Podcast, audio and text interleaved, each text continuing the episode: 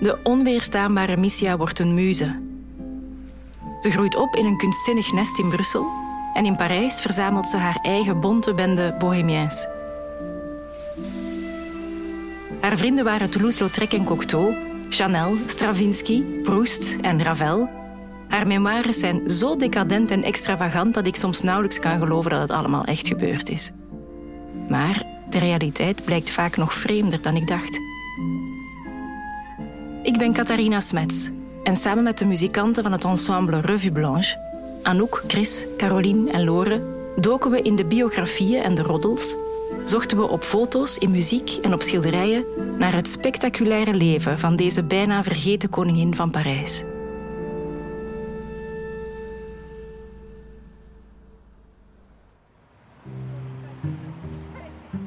Razend verkeer, drukte, toeristen. Het eerste arrondissement van Parijs. Het grote park met de magnifieke tuinen aan de Seine, de Tuileries, naast het Louvre. En voor de tuinen het grootste plein, Place de la Concorde, als begin van de Champs-Élysées. En in de verte kan je de Eiffeltoren zien, En dit is wat Missia gezien moet hebben in de laatste jaren van haar leven. Hier keek ze op uit. Het zal misschien niet veel veranderd zijn sinds 1950, denk ik. Behalve het verkeer dan.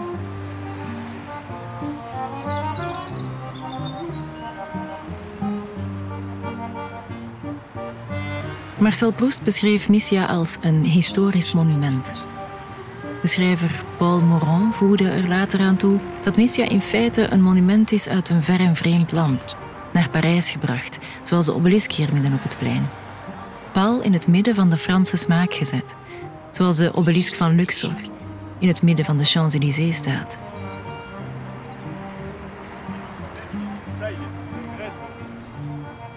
Rue de Rivoli, 252. Hier is het. Op de hoek van de Place de la Concorde. Hier heeft Missia Godebska Natanson Edwards Serre bijna 70 jaar geleden haar memoires neergeschreven. Aan de hand van haar memoires ga ik op zoek naar de persoon die Missia was.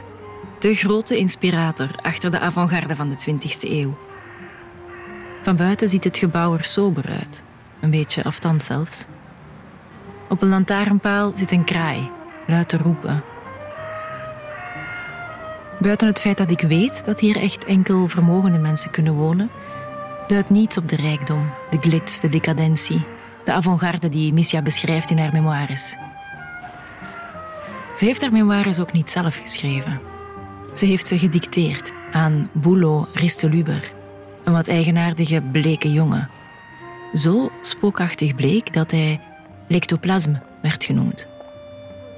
Ze mochten elkaar wel de jonge, eigenaardige Boulot en Missia, toen al diep in de zeventig. Ze vertrouwde hem. Een amitié passionné noemde Boulot het. Missia legt haar hart bloot aan de wat vreemde, verfijnde jongeman. En in drie jaar tijd, de tijd dat ze samenwonen in het gigantische appartement op de hoek van de Place de la Concorde, schrijft Boulot haar herinneringen op. Missia is dan bijna blind. José Maria Serre, de liefde van haar leven, is dan een paar jaar gestorven. Nu de toestand van mijn ogen me het lezen, piano spelen en duizend andere activiteiten onmogelijk maakt, die ik nu pas op waarde weet te schatten, nu ik ze niet meer kan uitoefenen. Nu laat ik vaak mijn gedachten lang afdwalen naar het verleden. Een bezigheid die nieuw voor me is omdat mijn geest altijd gericht is geweest op mijn eigen tijd en toekomst in plaats van wat achter ons ligt. En in dat verleden, dat Missia beschrijft in haar memoires, duiken we onder. Welke uitgang? Uitgang Rue de la Paix? Samen met de muzikologe Sophie Taas, die echt een hele grote liefhebber is van de Belle Époque, reis ik in het Parijs van Missia's herinneringen. Herinneringen die bevolkt zijn met kleurrijke figuren. Componisten, schrijvers en kunstenaars van het fijne siècle. De avant-garde van de vroege 20e eeuw. Wat verwacht je dat we zullen zien als we de metro uitstappen? Het woord dat net in mij opkwam was affluenza. Het uh, gewoon zijn om in een, een, een, rijke en een welopgevoede en een overvloedige omgeving te leven en, en je te bewegen. En dat verwacht ik nu eigenlijk een beetje. Als we boven gaan komen, dat we die statige gevels gaan zien en ja, misschien al een vleugje van het klatergoud waar Missia in balen. Ja, kijk. het is nog waar. Oké, okay, statiger kon ons niet. We komen recht op de opera uit, hè? Académie Nationale de Muziek. De opera van Parijs. Met bovenop twee gouden engelen. Dit was Missia's leefwereld. twee zuchten. Missia stond in het middelpunt van de Parijse kunst. Uitgeroepen tot de koningin van de moderne barok. De belle van de Belle Époque. Als de obelisk in het midden van Parijs. Dit doet mij ook denken aan de Missia die graag het panorama heeft van Le Tout Paris. van al die kunstenaars uh, die ze zo bewonderde, maar waar ze ook graag mee speelde, verzameld rond zich. En daar, daar staat ze zo, ze torent er bovenuit. Ze heeft perfect overzicht en op het juiste moment kan ze het ene pionnetje naar voren schuiven en het andere wegnemen. Als een veldheer. Als een veldheer, als een strategist. De veldheer Missia verzamelde ze om haar heen. Het is een indrukwekkende paradeaanname. De bohemiens, decadente, geliefde. Allemaal kunstenaars die de kunst van de 20e eeuw hebben bepaald. De dichter Mallarmé, de schilders Toulouse-Lautrec, Vuillard, Bonnard, Renoir, de componisten Debussy en Ravel hebben haar naam in hun composities geschreven. De grote schrijver Marcel Proust, die baseerde twee personages uit À la recherche du temps perdu op haar. De dichter Jean Cocteau was een innige vriend, die haar ook gebruikte in zijn toneelstukken. Hier en daar duikt een personage op dat wel erg veel lijkt op Missia. De grote baas van de Belarus, Sergei Diaghilev, nam zelden een beslissing zonder zijn liefste vriendin Missia. En Stravinsky, die speelde Le Sacre du Printemps voor het eerst op een piano in haar salon. En dan is er Chanel, Coco Chanel, de beste vriendin van Missia, die haar zelfs zal kleden en opmaken op haar sterfbed. Missia was een motor en muze en mecenas voor kunstenaars die we nog altijd als de grootste van de voorbije eeuw beschouwen. Maar zelf, zelf lijkt ze wat vergeten. Ze leeft natuurlijk verder in de werken die aan haar zijn opgedragen, door de kunstenaars die zoveel van haar hebben gehouden en die ze zoveel geholpen heeft. Maurice Ravel heeft bijvoorbeeld zijn grootste wals aan haar opgedragen, La Valse. Niet zomaar een wals, maar een eerbetoon aan de wals. Een wals over walsen, een wals die over zichzelf heen walst.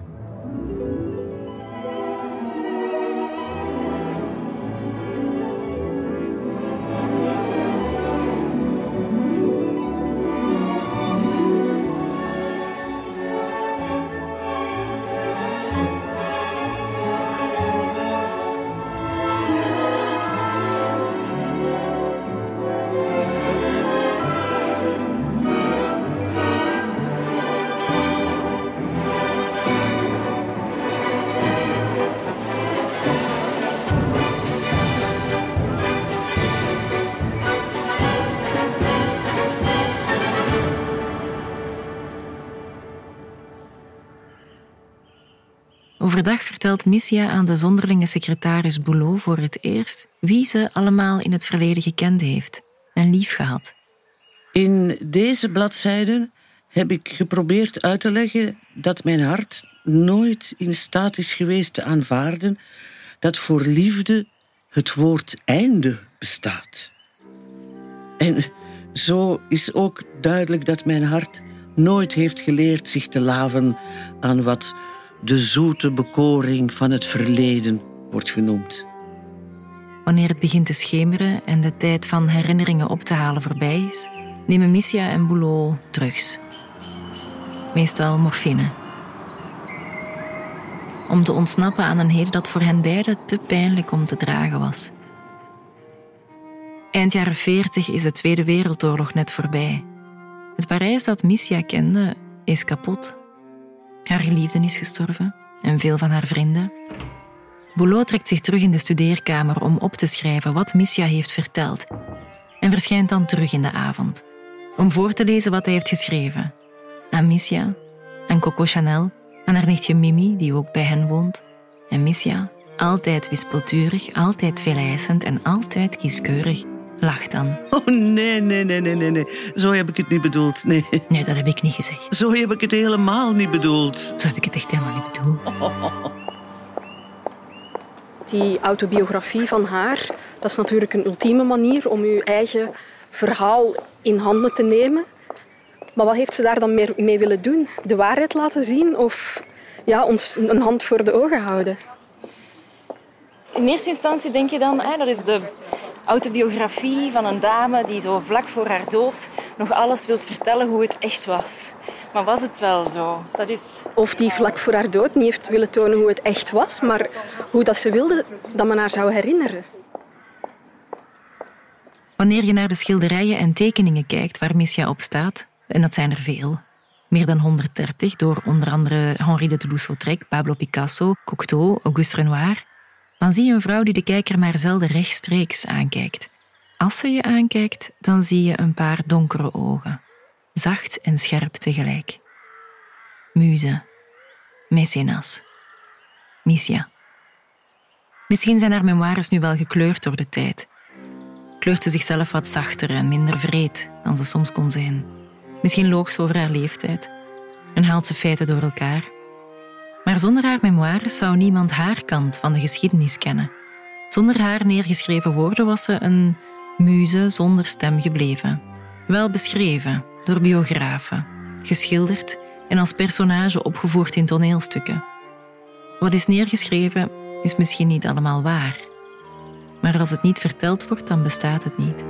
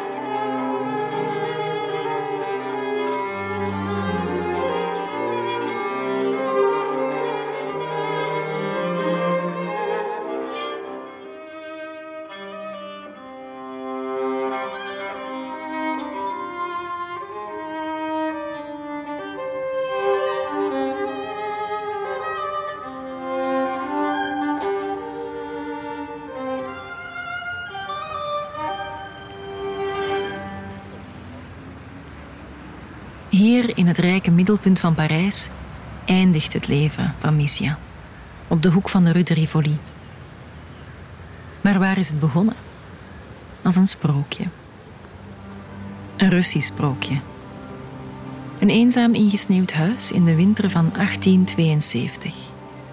Een hoogzwangere vrouw op de trappen van dat huis, de toekomstige moeder van Missia, de Belgische Sophie Servet. In het huis is de vader van Missia, de Poolse beeldhouwer Cyprian Godebski. En er is nog een derde, zijn minares. God mag weten door welk wonder mijn moeder door de ijzige Russische winter haar einddoel wist te bereiken. Een eenzaam en ingesneeuwd huis. Ze liep de treden van het portaal op en voor ze aanbelde, leunde ze tegen de deurstijl om op adem te komen. achter de deur hoorde ze gelach dat ze maar al te goed kende. Na de bovenmenselijke inspanning waarvoor de liefde haar kracht had gegeven, nam een overweldigende vermoeidheid, een mateloze vertwijfeling bezit van haar. Bittere tranen, die ze vergat te drogen, vulden haar ogen terwijl ze de paar treden afliep om haar heil te zoeken in een hotel. En vandaar schreef ze haar broer dat haar ellende zo groot was dat haar niets overbleef dan te sterven. De volgende dag was mijn vader juist op tijd om haar te zien sterven, terwijl ze aan mij het leven schonk. Het drama van mijn geboorte zou een onuitwisbare stempel op mijn levensloop drukken. Een levenslang schuldgevoel, zoals dat hoort in Slavische sprookjes. Na zijn vrouw in Sint-Petersburg te hebben begraven, keerde hij met mij terug naar Halle, naar het huis dat mijn moeder op zo'n tragische wijze had verlaten.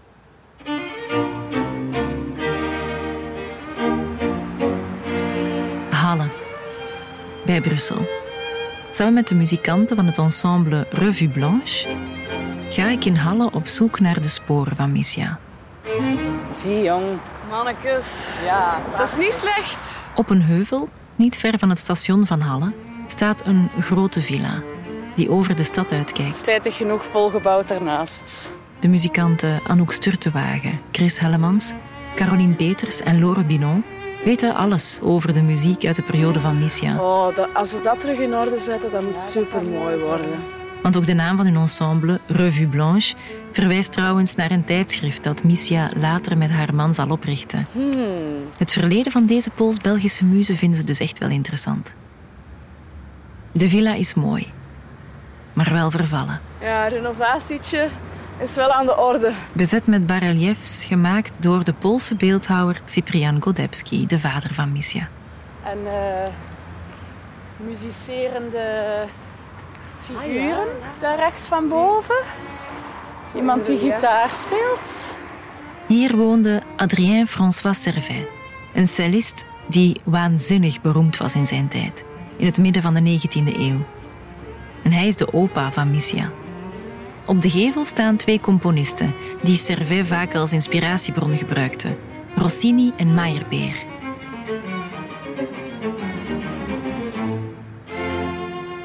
Het was een enorme villa in Italiaanse stijl, gebouwd volgens de aanwijzingen van mijn grootvader. Het was in dat huis in Halle, in de buurt van Brussel, dat mijn ogen opengingen.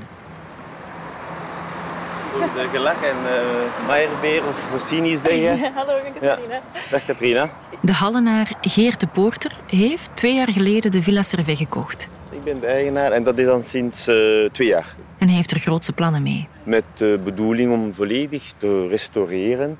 Ja. En eigenlijk het concept daarachter is uh, de 19e eeuwse elementen, hè, om die dan terug te brengen. Want de woning is eigenlijk sterk voor, het is gebouwd in 1847, maar heel sterk verbouwd geweest in 1898. Maar nu is Geert vastbesloten om samen met de stad de villa in haar oude glorie te herstellen. Op de eerste verdieping destijds woonde daar Servet met zijn familie, want Servet woonde hier met zijn zes kinderen. Onder andere de dochter die met Godebski is getrouwd en dan uh, waarvan uh, de Messia de dochter is. Hè. Uh, die, die woonden op de eerste verdieping en er verbleven hier ook veel vrienden. Hè. Veel muzici kwamen hier langs. En, en ook dat idee gaan we een beetje respecteren in de zin van wij gaan daar gassenkamers van maken. Okay, ja. Dus dat is een hele investering, maar anderzijds hopen dat daardoor ook een beetje de lening kan terugbetaald worden. Dus wij voorzien in feite een zestal gastenkamers op de, de eerste verdieping. Het is altijd een beetje een aantrekkingspool gebleven en eigenlijk ook voor, voor. De mama is dan vroeg gestorven, omdat uh, ik denk haar man, Godebski, toen dat ze hoogzwanger was, was uh, verbleven op dat moment in, uh, in Rusland. En dan is ze dan toch nog hoogzwanger naar Rusland gereden. had ze misschien beter niet gedaan.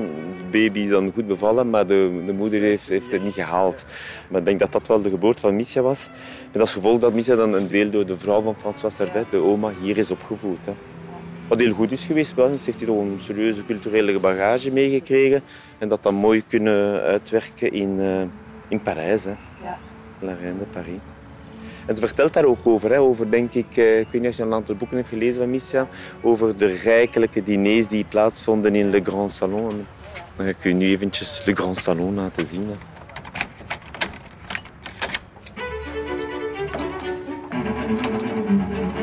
In dat grote huis vol kunstenaars weerklonk altijd overal muziek. Er stonden twee concertvleugels in de salon. En in de verschillende kamers nog zo'n zeven of acht die allemaal werden bespeeld. Als kind waren mijn oren zo van muziek doortrokken dat ik me niet kan herinneren dat ik ooit noten heb leren lezen. Ik kende ze al voor ik het alfabet onder de knie had. In iedere plaats stond een piano. Dus uh, nu zie je geen piano. Dus uh, stond dan ook, ja, in een van de biografieën stond het zo geschreven. Hè. We zoeken nog een aantal piano's. Hè. Als iemand van jullie een piano ergens weet staan, uh, laat maar weten. Muziek was alomtegenwoordig. Hè. Vandaar die, die, die, mooie culturele bagage dat Missa heeft meegekregen. Vele schouwen. Hè. De schouw die je hier ziet, de marmer is verdwenen. er moet heel veel marmer geweest zijn in de huizen. Micha schrijft ook over de muur- en wandschilderingen uh, in de Grand Salon. En het is die zaal waar Micha denk ik, naar verwijst, naar de, de muurschilderingen. En als je goed kijkt, zie je toch een aantal tekenen van uh, chinoiserieën.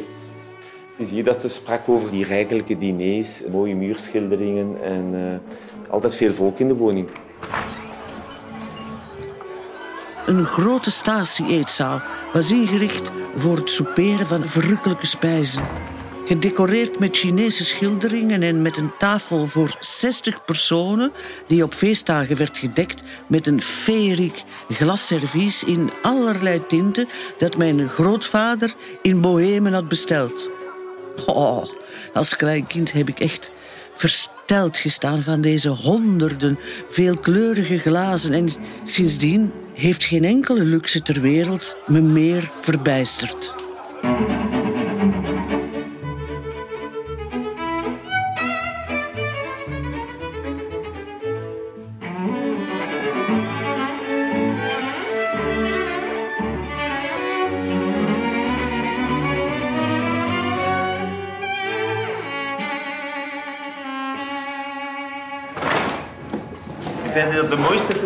Maar tegelijkertijd ook de, de rommelplaats. Ja, omdat die dan meestal toe is. Uh, maar dat zijn dan de fameuze chinoiserieën. Het is wel echt helemaal anders dan ik me had voorgesteld, de villa. Ja, ik weet niet, ik heb mij zo een vervallen krot voorgesteld, echt. Maar dat, ook wel... Maar dat is het toch ook een beetje?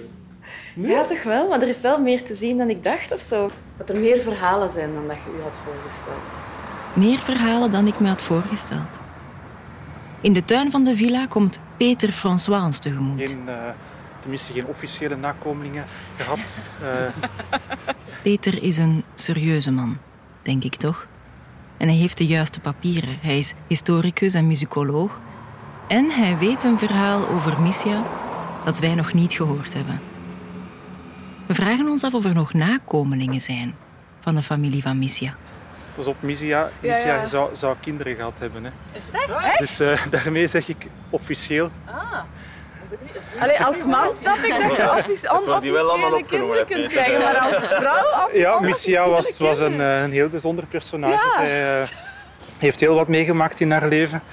Uh, ze had drie officiële echtgenoten, maar het is niet van uh, één van die drie. Ze heeft wel kinderen op de wereld gezet. Met, met vrij grote waarschijnlijkheid. Dat is, uh, het recente onderzoek heeft uitgewezen dat zij effectief kinderen zou gehad hebben. En niet van de eerste de beste. Het zou Maurice Ravel zijn die... Uh... Oh, maar echt waar? Nee, nee. nee, zijn er nu echt serieus? Ja. Uh... Hoe kan dat nu dat we dat niet weten? Kijk, hoe verhaal. er zijn bepaalde periodes uit haar leven waar we weinig of niks weten. Toevallig telkens uh, enkele maanden. De, de, de muziek van Ravel is doordrongen van Missia, van het begin tot het einde. Dat is waar. en dat was zijn manier om dat aan de wereld bekend te maken, zonder, zonder al die andere aspecten van een relatie. Maar muzikaal is dat heel duidelijk dat die twee iets hadden.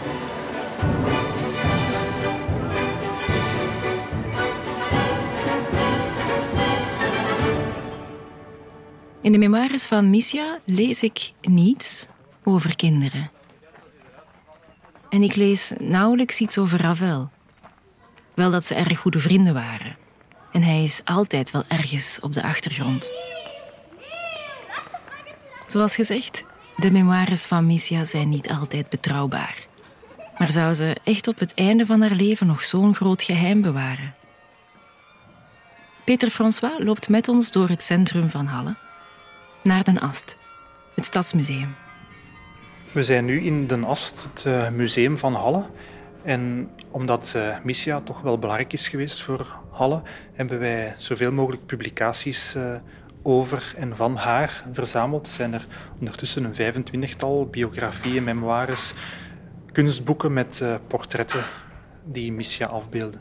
We bladeren door de stapels boeken met kunstwerken, foto's schetsen. Ja, Cocteau heeft ook wel ja, dat is eentje dat ik niet uh, ken. Nee, ken ik ook niet, dat portret. Waar Missia opstaat met haar herkenbare brioche-kapsel. Je bedoelt dat soort kapsel? Dat is haar typische haar. Ja, ja. ja, Zo die, die dotcombinatie. We bladeren door de romans en toneelstukken die op haar zijn gebaseerd. Maar deze foto zo scherp, ja. Dat zie Oh ja. En Peter François beweert dat de toneelstukken meer waarheid kunnen bevatten dan alle biografieën samen.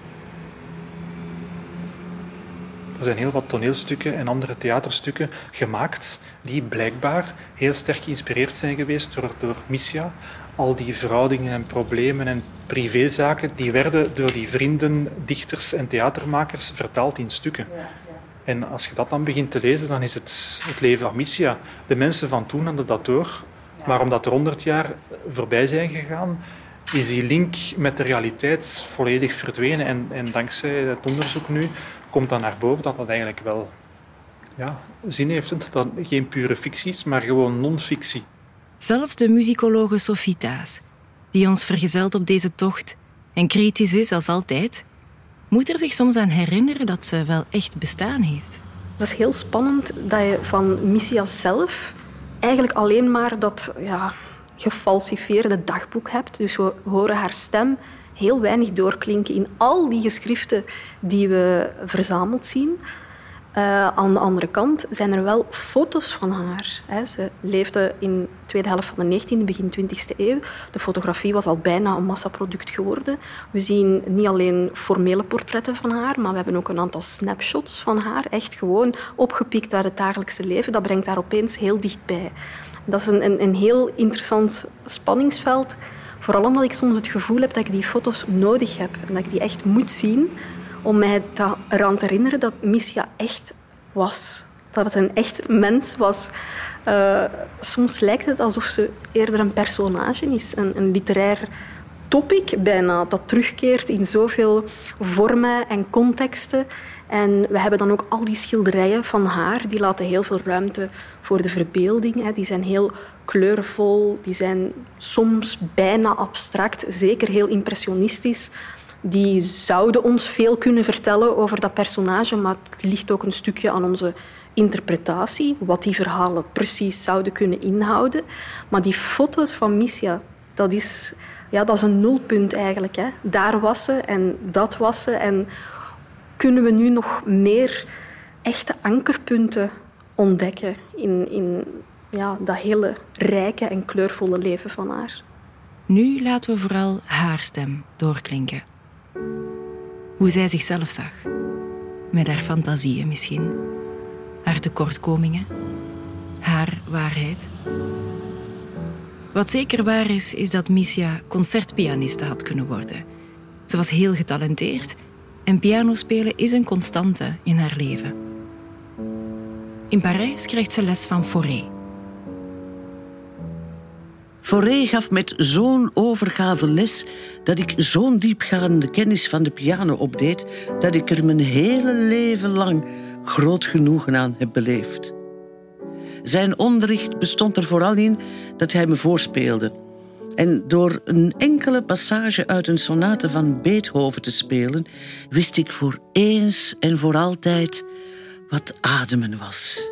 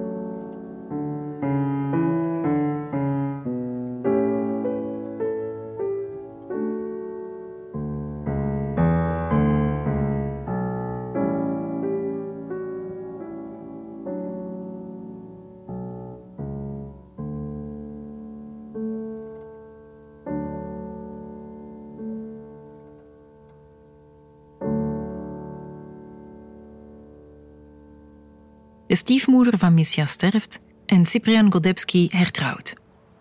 Maar tussen Misja en haar nieuwe moeder loopt het niet goed. De ruzies worden erger en erger, borden vliegen door de lucht en op een dag loopt Misja weg. Naar Antwerpen en dan gewoon de boot op, naar Londen. Misschien zelfs met Felicien Rops, zeggen kwaadtongen. Veertien is ze dan, of dat beweert ze in haar memoires. Een eiland leek me de ideale plek om me schuil te houden. De zee die me nu scheidde van mijn familie gaf me een heerlijk gevoel van veiligheid. Missia verschuilt zich in Londen en geniet van haar vrijheid. Na twee volle maanden denkt ze dat het gevaar geweken moet zijn en keert terug naar Parijs. Maar daar voelt ze al snel dat haar vrijheid weer beperkt wordt. Op straat komt ze toevallig de Poolse Jood Tadej Natanson tegen, iemand die zelf van kleins af aan kent. Waarschijnlijk waren het dikke vrienden, die twee. Ze herkennen elkaar in hun grote liefde voor literatuur en kunst. En Tadej die gaat meteen naar haar vader om haar hand te vragen. Ze was net vijftien, zegt ze. Maar Missia kennende was ze waarschijnlijk eerder negentien. Ik begon in te zien dat vrijheid alleen maar mogelijk is met z'n tweeën en de eenzaamheid viel me zwaar. Missia en Tadé trekken naar Parijs. Ze zijn vrij, ze zijn jong, ze zijn mooi en ze hebben geld. Tadé heeft samen met zijn broers La Revue Blanche opgericht. Een tijdschrift voor kunstenaars en intellectuelen en anarchisten. Open voor alle meningen, alle kleuren. En als je alle kleuren mengt, dan krijg je wit. Vandaar ook de naam. La Revue Blanche.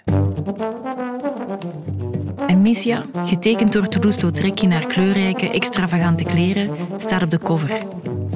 Hun appartement in de Rue Saint-Florentin, vlakbij Place de la Concorde trouwens, wordt het middelpunt van een bende bohemiense denkers en kunstenaars, waaronder bijvoorbeeld Émile Zola, Oscar Wilde, met Missia als gastvrouw in het midden van haar salon. Tadej en Missia krijgen de naam Hautain te zijn, omdat ze weten wat ze willen. Missia trekt haar neus op voor middelmatige kunst. En dat ze dandies zijn en politieke anarchisten, dat ze openstaan voor de symbolisten en decadenten, draagt eigenlijk alleen maar bij tot hun succes. Ze publiceren van alles.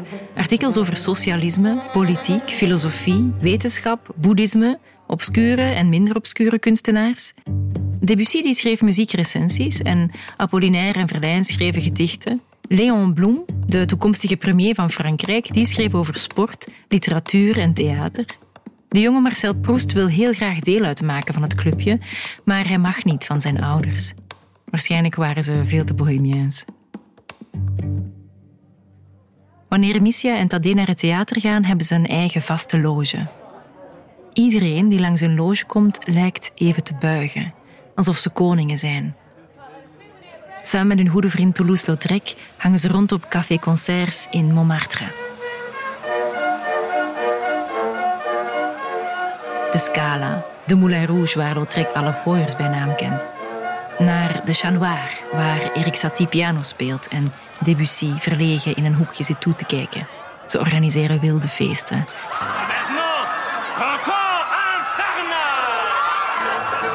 Met Toulouse-Lautrec als barman, of eerder een waanzinnige uitvinder die drankjes mixt in alle kleuren en gin met sardines die hij dan in brand steekt.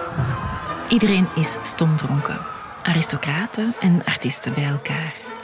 De schilders Vuillard en Bonnard die houden zich nog vast aan de bar. En twee dansers houden zich nog nauwelijks recht op de dansvloer, terwijl de rest van de gasten verspreid ligt over de grond. En boven dit alles uit speelt het orkest oorverdovend de cancan. Zo stel ik me de feesten van La Revue Blanche voor. Moet een mooie tijd geweest zijn.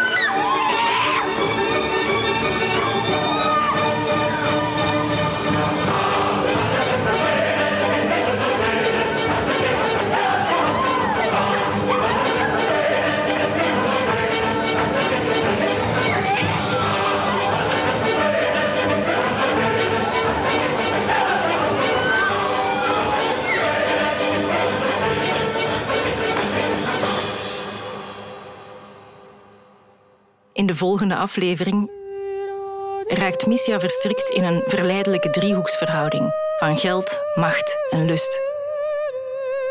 Het zorgeloze tijdperk loopt ten einde